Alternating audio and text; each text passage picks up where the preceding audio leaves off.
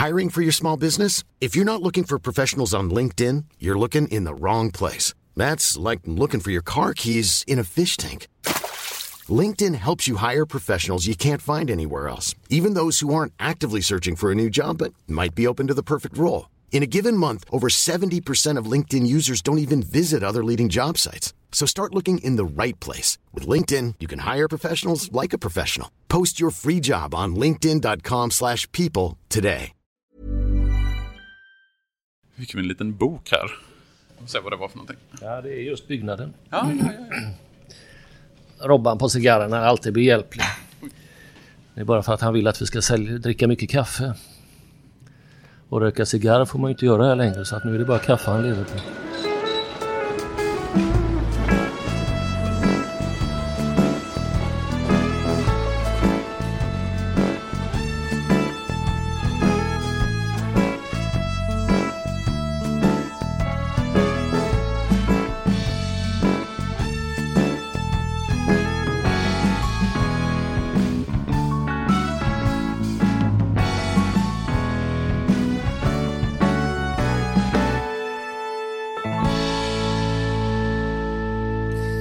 Hej, ni är välkomna till Gator och torg, en historisk podcast från Göteborg Direkt. Mattias Axelsson, lärare och historieexpert och som också skriver i Göteborg Direkt, håller i den här, men det är jag som heter Kai Martin, nöjesreporter för tidningen, som ställer lite frågor och vi ska ha ett litet samtal idag om Järntorget. ja, det ska vi. Järntorget är ju en hyfsat gammal plats i Göteborg som ju egentligen inte har en jättelång historia, 400 år. Eh, varför Järntorget? Ja, alltså att vi, att vi sitter på Järntorget idag, det känns ju som en... eh, Vi har gjort lite poddar om olika platser lite utanför Göteborg, men nu kändes det som att det var läge att ta sig in till mer centrala Precis. delarna. Och som du säger, så även om vi inte befinner oss i mest centrala Göteborg, så har det här ju varit en del av Göteborg och Göteborgs historia egentligen från start kan man säga. Även om det inte har hetat Järntorget lika länge som Göteborg har funnits, så är det ju ändå en historisk plats som har funnits med oss väldigt länge. Ja, Järntorget är väl eh, bara något, vad är det, 140 år gammalt som Ja, namn? det är art, mitten på 1800-talet som platsen får namnet Järntorget. Eh, och vi befinner oss någonstans i en skärningspunkt mellan olika platser, vilket är ganska intressant, tycker jag. När vi Och det är det, ju, är det ju fortfarande. På något Ja. sätt så är det ju porten in mot Haga, det är, är vägen eh, vidare mot, mot eh, Majorna och, och nerför Linnégatan mot Slottsskogen och söderut och in mot stan etc. Ja, och just att det är liksom så här olika platser som möts. Alltså vi har, precis som du säger, innerstan innanför vallgraven, men vi har också de här lite hippare kvarteren mot eh, Långgatorna och vi har Hage som väl eh, har väldigt historiska rötter, men som idag eh, kanske snarare ska, som Ina Lundström, komikern, brukar säga, det är något 50-tals live som vi håller på med i, i Hage. Men det har det nog varit sedan, eh, har det nog varit sedan 70-talet skulle jag säga. Med. Ja, men också, Med, och eh, också det här att det har beskrivits som ett av Europas absolut coolaste områden av tidningen The Guardian. Ja, Kom med på topp fantastiskt. 10-listan samtidigt som det är en plats där ni i Göte eller i Göteborg Direkt eh, skrev en artikel för några veckor sedan om rån och narkotikabrott omkring Järntorget har blivit allt vanligare. Men det är ju som vi ska se inget nytt att Järntorget dras med de stämplarna av att vara en orolig Järntorget plats. har ju alltid varit en stökig plats. Jag bodde ju på Andra Långgatan, hörnet Nordhemsgatan eh, på 80-talet. Eh, Och eh, visst, det var, det var livat och det var mycket som hände. Men samtidigt så skulle jag vilja påstå då att det har eskalerat. Och det, det roliga är då är ju att, att den, de, artiklarna vi skrev, de fick ju sen en efterverkan i den betydligt större morgontidningen här i Göteborg. Som har då resurser och möjligheter att- att göra större nedslag på det här. Så att eh, vi var ju ute på rätt spår som vanligt. Eh, och det är ju härligt att kunna göra det. Eh, men samtidigt så är ju, vill jag ju påstå att jag tycker Järntorget på sitt sätt är ett rätt charmigt ställe. Det är ju som du säger en skärningspunkt. Eh, det har ju sen eh, nästan spårvägens eh, start varit liksom en knutpunkt. Eh, Då jag var liten så vände ju nian här utanför. Mm. Eh, En vändslinga, den nian som då alltså gick till Långedrag. Som var den fina, fina spårvagnen trots att den gick igenom farliga Majorna. Och där har ju hänt otroligt mycket. Ja, just den här ombyggnaden som man gjorde eh, beslutet på 90-talet, 99-2000 där med att man knöt ihop själva torget med hage. Alltså att man tog bort vänslingen, att man tog bort vägen som går, eller gick runt Järntorget har ju gjort att det har blivit mer av ett alltså riktigt torg där man kan ha uteserveringar. Ölserveringen här bredvid har en uteservering. Cigarren som vi sitter på just nu har en uteservering. Och det blir mer av den liksom, öppna platsen som man kanske vill ha i en stad. Det var det ju inte riktigt. Nu flyttade jag till Göteborg 98, alltså precis året innan man gjorde om här. Men min upplevelse är att det var inte riktigt den typen av torg fram till att man tog bort spårvagnen och tog bort bilvägen. Nej, man tänkte nog inte på det som ett torg även om det hette eh, Järntorget. Eh, samtidigt så har den ju liksom alla kriterier för ett torg. Vi har ju eh, Tore Strindbergs eh, magnifika brunn här utanför med alla världsdelarna. Eh, det finns ju, har ju alltid funnits restauranger och lite kaféer och sen har ju de här kioskerna som är här mm. där jag eh, hur gammal var jag då? Jag gick nog i femman och skulle hälsa på en kompis ute i Sannarna och, och då fick man ju stämpla eh, med, med, vikbara kuponger. Och vad jag inte förstod, eh, detta var en helg, eh, var att man, eh, att man eh, bara skulle stämpla en gång utan jag stämplade för varje byte vilket gjorde att biljetten blev oläslig och naturligtvis på tillbakavägen så kom det en kontrollant som var en elak jäkel. Så, så han, på en han, jobbig han tog, han tog med mig in i en av de här kioskerna som var deras, vad ska man säga, kontor då. Och så läste han lusen av mig och så sen gick jag gråtandes hem då. Ja. Utan att behöva betala någon, någon avgift dock. Så han, han, förstod väl att jag inte hade varit helt eh, elak. Men liksom, det var ju inte så pedagogiskt. Men jag lärde mig nog i och för sig att stämpla efter det där. Eh, men kioskerna, när kom de till? De kom ju till i samband med en upprustning som man gjorde för ungefär 100 år sedan. Det är på 1920-talet faktiskt. Som man försöker liksom piffa till Järntorget. För Järntorget har ju sagt genom historien dragits med dåligt rykte. Eh, det har varit liksom en stökig plats och redan 1830 så skriver någon av Göteborgstidningarna att torget utövar en fördärvlig inverkan, särskilt på de arbetande klasserna, genom de vilda leverna som förs där. Ja, du ser. Så att det, och det är ju mer än, nej, nästan 200 år sedan som ja, det här skrivs. Ja. Eh, så på 1920-talet så gjorde man en upprustning och då kommer de här två kioskerna till. Eh, och där ligger ju nu, det är väl Pressbyrån som ligger i det ena och en grill, eh, grillrestaurang, eller vad heter det, korvkiosk. Skulle man Men säga. de, eh, de omfattades väl också av den här renoveringen med torget då mm. för, för 20 ja, år sedan? De har ju piffats till. De, när de byggdes så beskrevs de ju som rejält fula betongklossar. Så pass? Eh, eh, och jag minns faktiskt inte riktigt hur, för jag som sagt flyttade ut i slutet på 90-talet precis innan den här upprustningen. Jag kan inte riktigt dra mig till minnes hur de såg ut innan och vilken upprustning som man har gjort med dem. Jag vet inte om du kommer ihåg det? Nej, alltså jag har ju för mig att de såg likadana ut fastän de har blivit omhändertagna och eh, mer, mer vårdade nu än vad de var då. Nej, eh, tittar, man ut, tittar man ut på dem nu så jag tycker inte att de är så anskrämliga på något sätt. Man ser ju de här från fönstret där vi sitter på, på cigarren. Ja, det är speciellt. Eh, men Järntorget, namnet? Ja, eh, det tillkom ju 1867. Det är då man bestämmer att den här platsen ska heta Järntorget. Och tittar man på gamla kartor från ja, men säg tidigt 1800-tal så är ju det här en väldigt, väldigt tom plats. Det är liksom en plats där det inte finns någonting, vilket är ganska intressant. Och det som har varit här innan eh, det blir liksom det här torget som det är idag, det är ju att det har varit en järnvåg. Det är ju därifrån namnet kommer. Det är så, ja. Och en järnvåg, det är ju en plats där man helt enkelt väger järn. Men det har man gjort rätt, alltså det gjorde man rätt länge va? Ja, alltså järnvåg har ju funnits i Göteborg egentligen sedan stadens grundande. Jag tror att den första järnvågen tillkommer så här 1624, bara några år efter. Och då ligger den i anslutning till Rådhuset, alltså på nuvarande Gustav Adolfs torg nere i, i sydvästra hörnet av Gustav Adolfs torg. Sen flyttar den till Brunnsparken på den här lilla holmen som är mellan eh, nuvarande vad blir det, norra och södra Hamngatan. Och sen i slutet på 1700-talet så kommer järnvågen till 1785 så börjar man successivt flytta all järnvägning hit till järnvågen vid eh, Pustervikshamnen. När man bygger en bassäng på ja, någonstans 180 gånger 80 meter där fartygen då kan ta sig in. Och då är ju fartyg som kommer uppifrån Värmland och eh, Bergslagen. Eh, I princip all, allt järn som kommer därifrån går via Göteborgs hamn. Och då ska man ju komma ihåg att järnet och skogen, det är ju det som någonstans har byggt Sverige. Det är de två råvarorna som vi har att tacka för liksom, den ekonomiska framgången och industrialiseringen. Det ska Utan, man alltid komma ihåg. Det ska man alltid faktiskt, komma Ja, men det är väldigt eh, grundläggande, grundläggande för Sveriges välstånd. Ja, och just Göteborgs betydelse för exporten och även importen, men i det här fallet då exporten av järn. För Göteborg, Stockholm har ju historiskt i Sverige varit den viktigaste exporthamnen.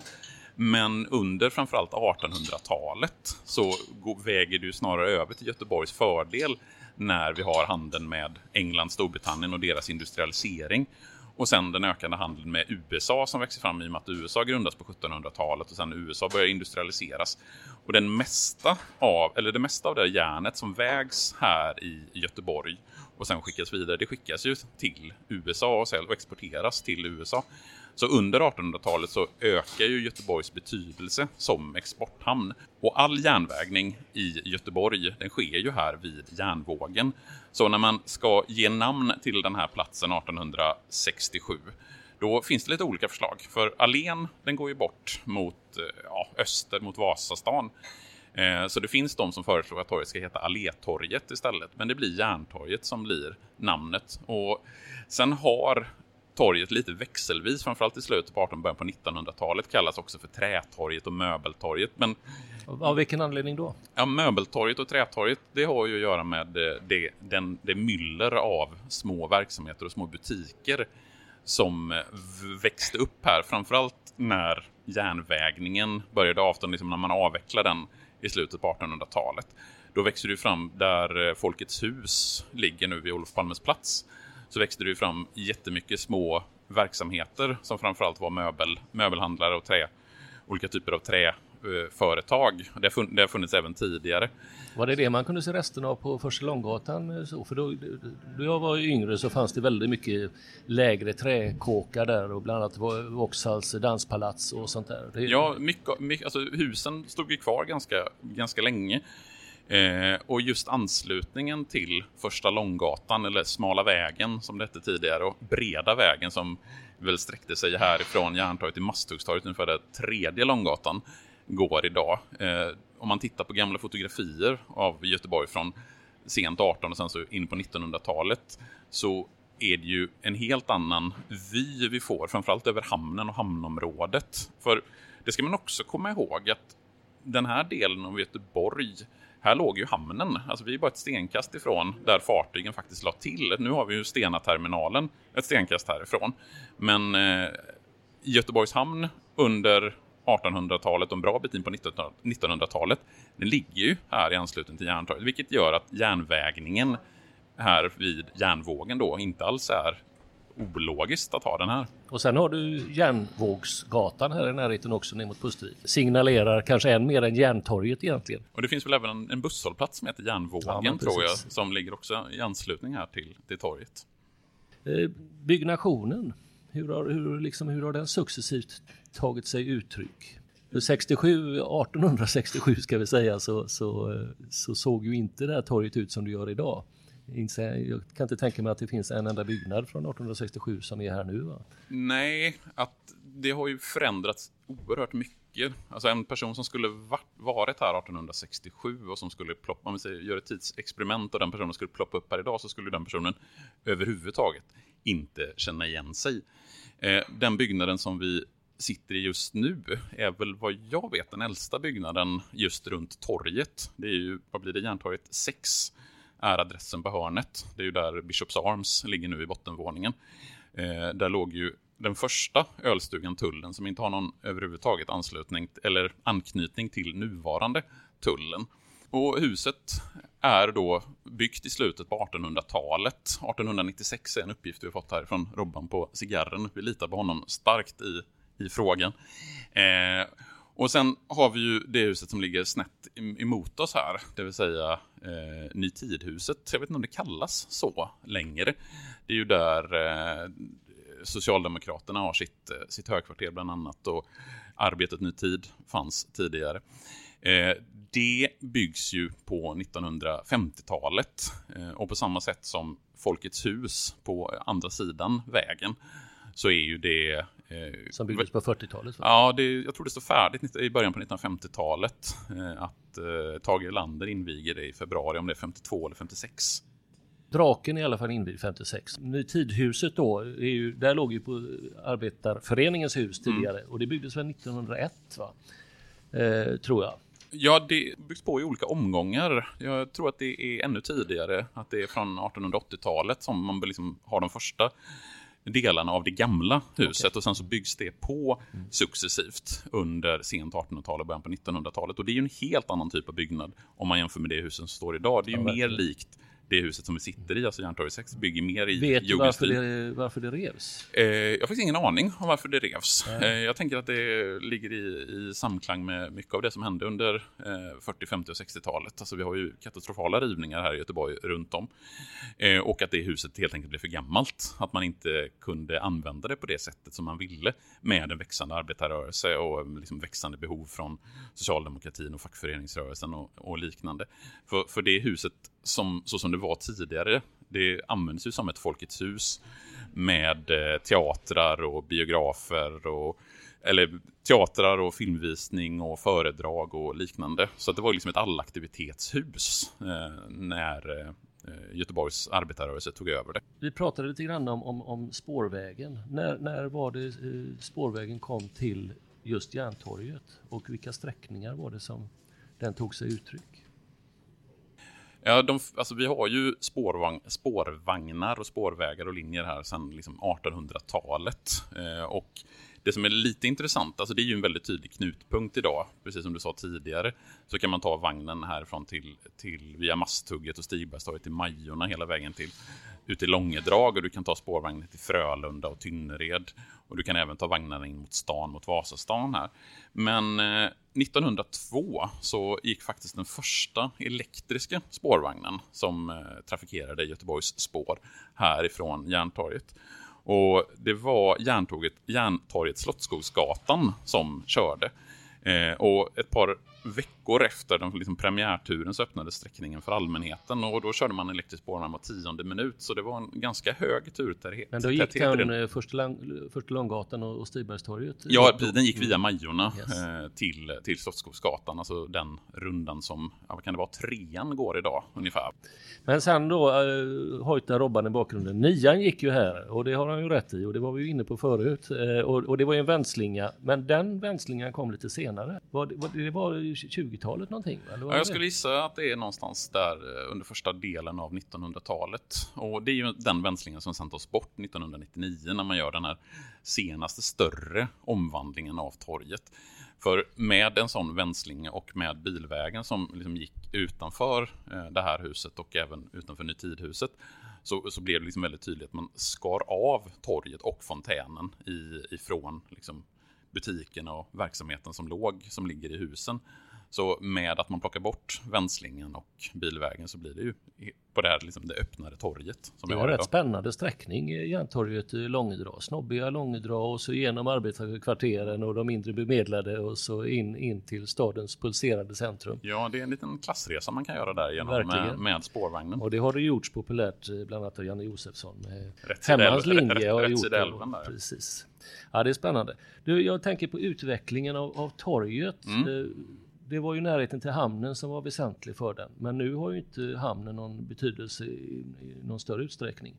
När skedde den här förändringen? När försvann liksom eh, betydelsen av järnvågen och, och så vidare? Ja, järn, den göteborgska järnvågen det är den sista järnvågen vi har i Sverige och den försvinner i slutet på 1800-talet. Då tas den bort. Och det är ju egentligen i samband med det som vi har liksom den stora förändringen av Järntorget. För när man tar bort Eh, järnvågen så öppnas det upp för annan typ av verksamhet.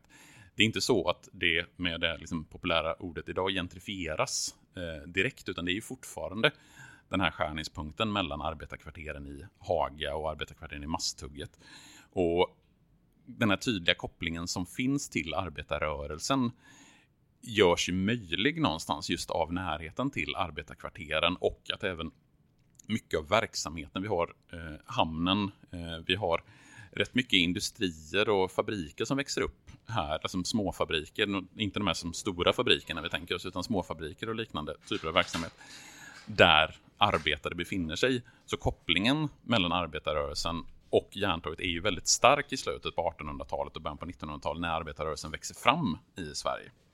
Och det är ju fascinerande egentligen om man tänker på det att torget eh, sa vi då, eh, var det 67 som det fick 1800, sitt namn? 1867. 1867 och eh, byggnationen är bara 120 år gammalt. Det är inte, det är inte så mycket att vifta med egentligen. Ett, ett, alltså Järntorget är ett rätt nytt torg. Ja, alltså man tänker ju sig att den här platsen liksom har lika lång historia som Göteborg som stad, alltså 400 år någonting. Men så är det ju absolut inte. Alltså det som vi tänker som Järntorget är ju precis som du säger en relativt ny företeelse. För tittar man på torget, eller den platsen som var här innan torget, så var det en liksom, oreglerad öppen plats. Och när jag säger oreglerad så menar jag att liksom, den var inte reglerad i någon stadsplan på det sättet att det var liksom bestämt vilken typ av verksamhet som skulle finnas eller hur gatorna skulle dras eller liknande. Så det var mer en, en, en plats som där djungens lag rådde lite mer än vad, vad det gör i en del av stan som är stadsplanerad. Men sen har den eh, också varit utsatt för, för, eh, vilket ju inte var helt ovanligt, men, men för bränder också som har kanske påverkat bebyggelsen också. Ja, alltså bränder, med tanke på vilken typ av verksamhet som fanns här med små träskjul och mycket olja och liknande.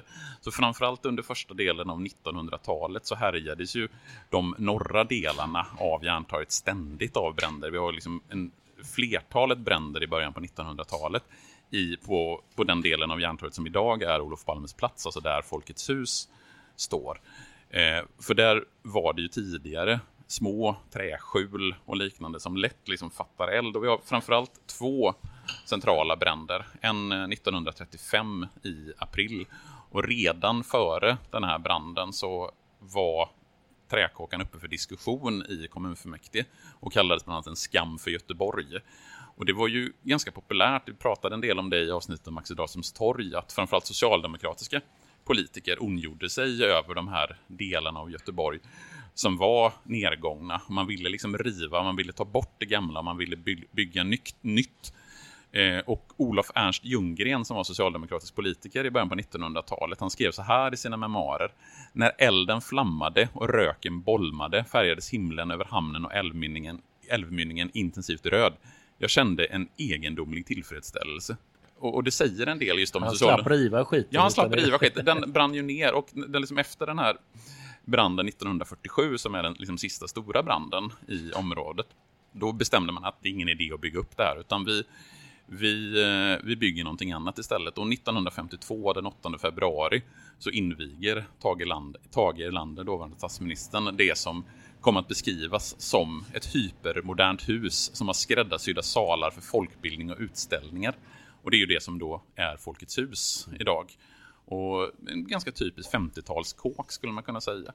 Och sen när statsminister Olof Palme mördades i februari 1986, ett par månader därefter, så bytte man ju namn på den norra delen av Järntorget till Olof Palmes plats, så som den heter idag. Och det är där Folkets hus och Folkteatern ligger i den byggnaden eh, runt Olof Palmes plats. Och Folkteatern, eh, och vi pratade om Nya Teatern förut som ju eh, inte finns kvar längre, är ju också så här att Järntorget är ju väldigt mycket en, en kulturell, mm. en, en, ett nöjescentrum.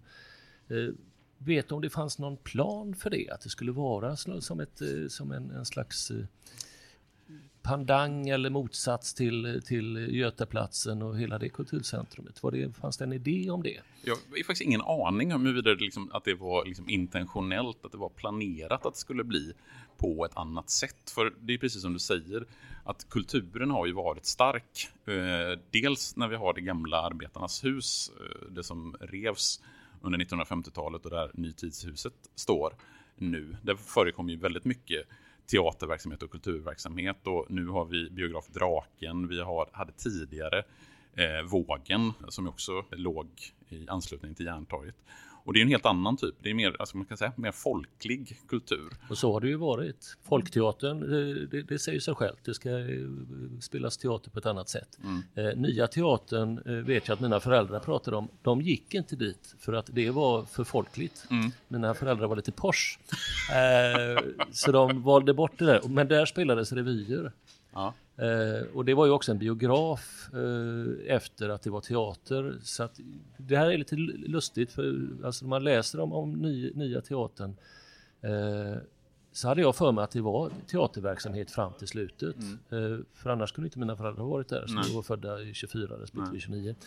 Och jag, vet, eh, och jag, vet, att även på vågen kanske mest liksom känt från Nationalteaterns Livet är en fest. Eh, men där var det ju framförallt dansband som huserade liksom i, i, slut, eh, i alla fall i slutfasen. Jag vet inte om det var det liksom kontinuerligt. Nej, under... alltså de, de försökte ju ha olika konserter. Alltså under 80-talet så var det ju helt andra konsertverksamheter där. Eh, och eh, till och med Ramones har spelat där. Mm. Eh, vilket jag missade, vilken en skandal. Av många, många skandaler som jag har missat.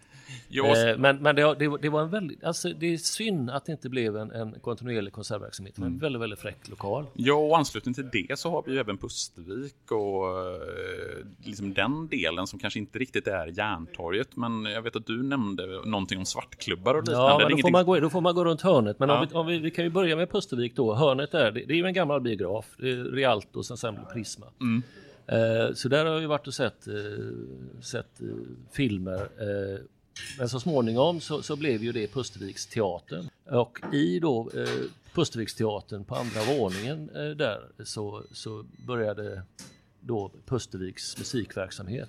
Och som sen tog över och med, med världen, hu, husägarens eh, goda minne och hjälp så, så blev ju det då rockklubben Pustervik som invigdes eh, 26 april 2012. Mm. Då stod jag på scen där. Jaha, det är därför du minns det. ja, men det var, det var fantastiskt. Det var, ja. det var ett sånt uppdämt behov. Eh, och det har ju gått väldigt, väldigt bra för dem fram till eh, pandemin då för snart ett år sedan.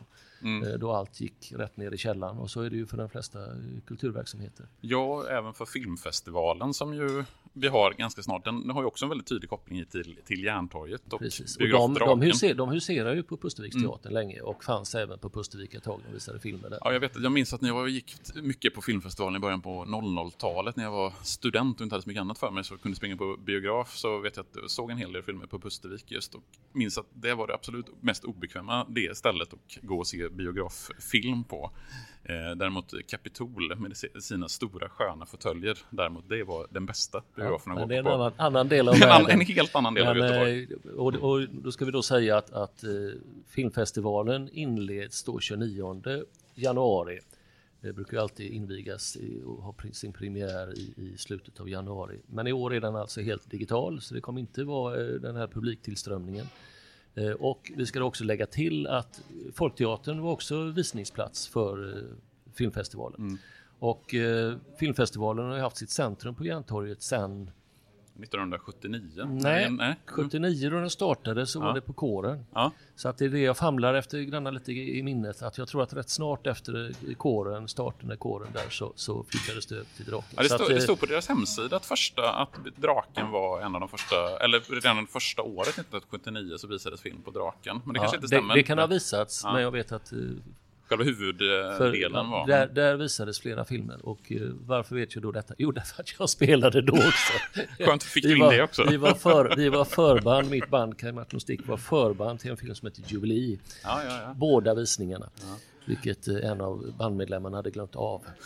Så han, vi fick så lyckades ring, ringa in honom. Men för mig när jag tänker filmfestival så är det ju liksom verkligen draken ja. som är och den så är det centrum. ju och det är ju en fantastiskt mm. vacker, det, det är fantastiskt vacker salong så att det, det är lite sorgligt att inte få kliva in i den och, och njuta av filmer och, och eh, nu är det som det är så vi får komma igen eh, nästa år.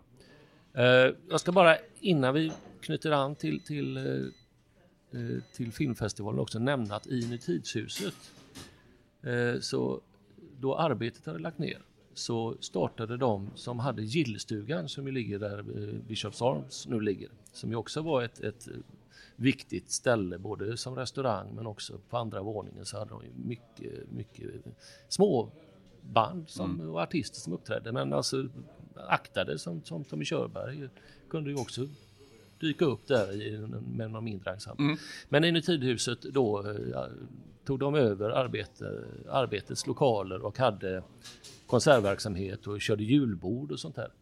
Eh, så att eh, ja, det har varit mycket cooking här och vi har ju Dan Andersson-statyn Ja, eh, som koppling till nöjesvärlden och den mer litterära världen. Men Ja. varför står han här? ja, han var ju reporter på Ny Tid eh, 1917 till 1918.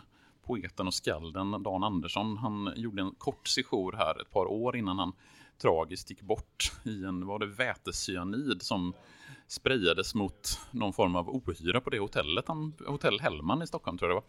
Eh, där han sov och sen så helt enkelt dog tyvärr. Och han, kallade, eh, han jobbade ju här, eh, så det är därför han, hans byst är en av, vad är det, tre byster är det som är här i anslutning. Det är Hjalmar Branting som är på Olof Palmes plats och vad heter han, Charles Lindley, Charles Lindley eh, som också är byst.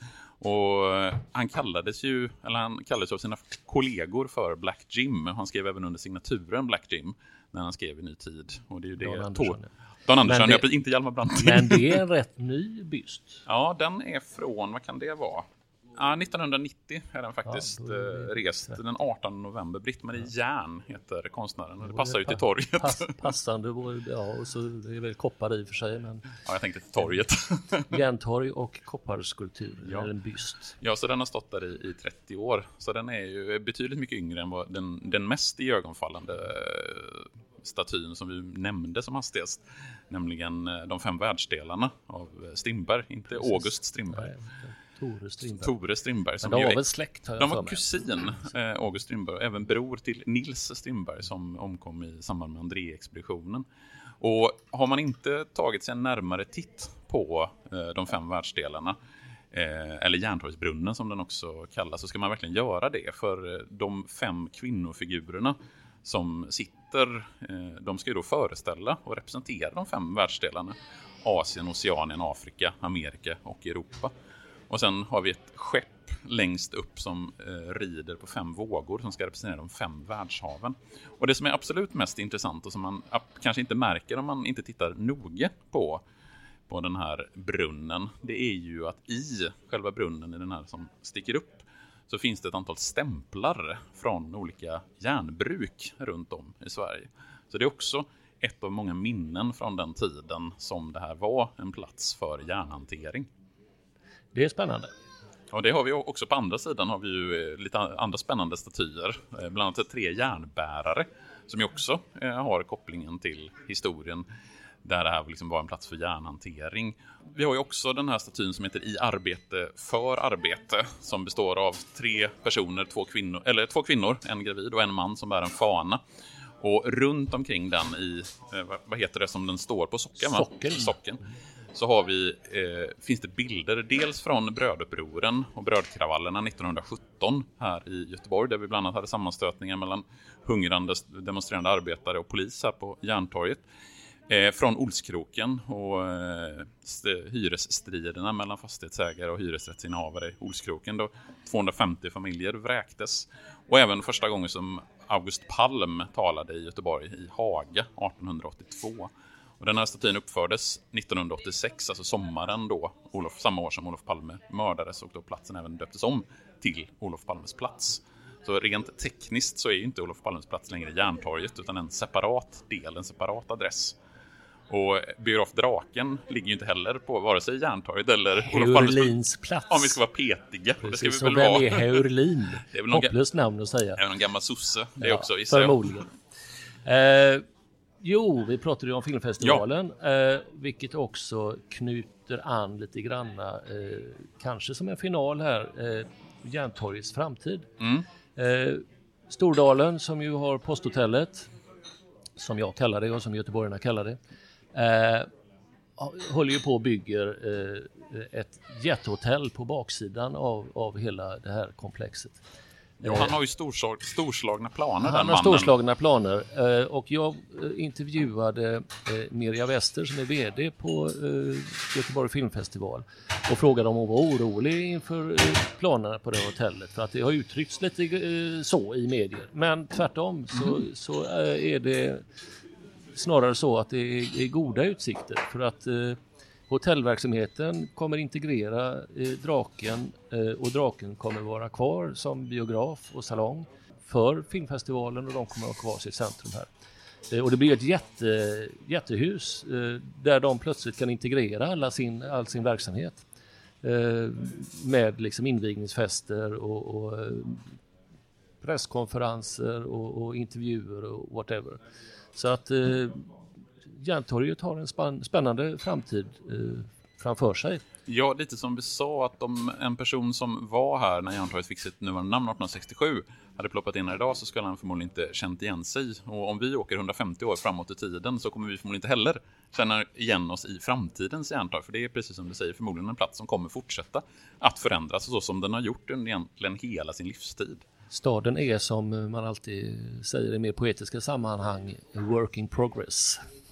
Tycker det låter som en utmärkt avslutning av dagens avsnitt. Underbart. Tack för att eh, du gjorde det här och att jag fick vara med och att eh, Göteborg Direkt får informera sina kära läsare om Göteborg och vi gör ju detta i anslutning till stadens 400-årsjubileum. Så att det kommer fler avsnitt. Tack och hej. Hej.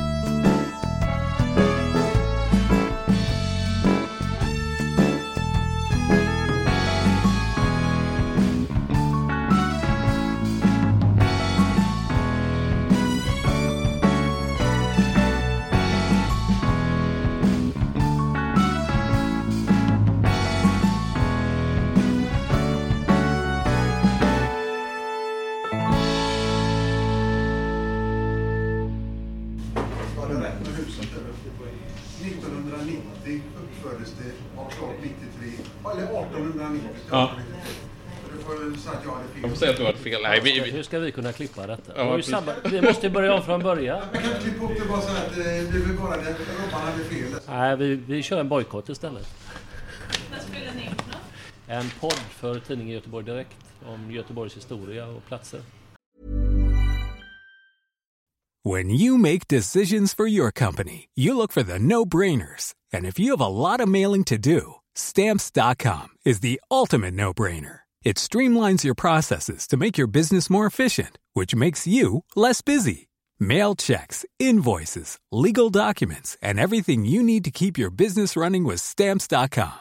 Seamlessly connect with every major marketplace and shopping cart. Schedule package pickups and see your cheapest and fastest shipping options from different carriers. With rates up to 89% off USPS and UPS rates. And with the Stamps.com mobile app you can take care of mailing and shipping wherever you are. Make the same no-brainer decision as over 1 million other businesses with stamps.com. Sign up with code program for a 4-week trial plus free postage and a free digital scale. No long-term commitments or contracts.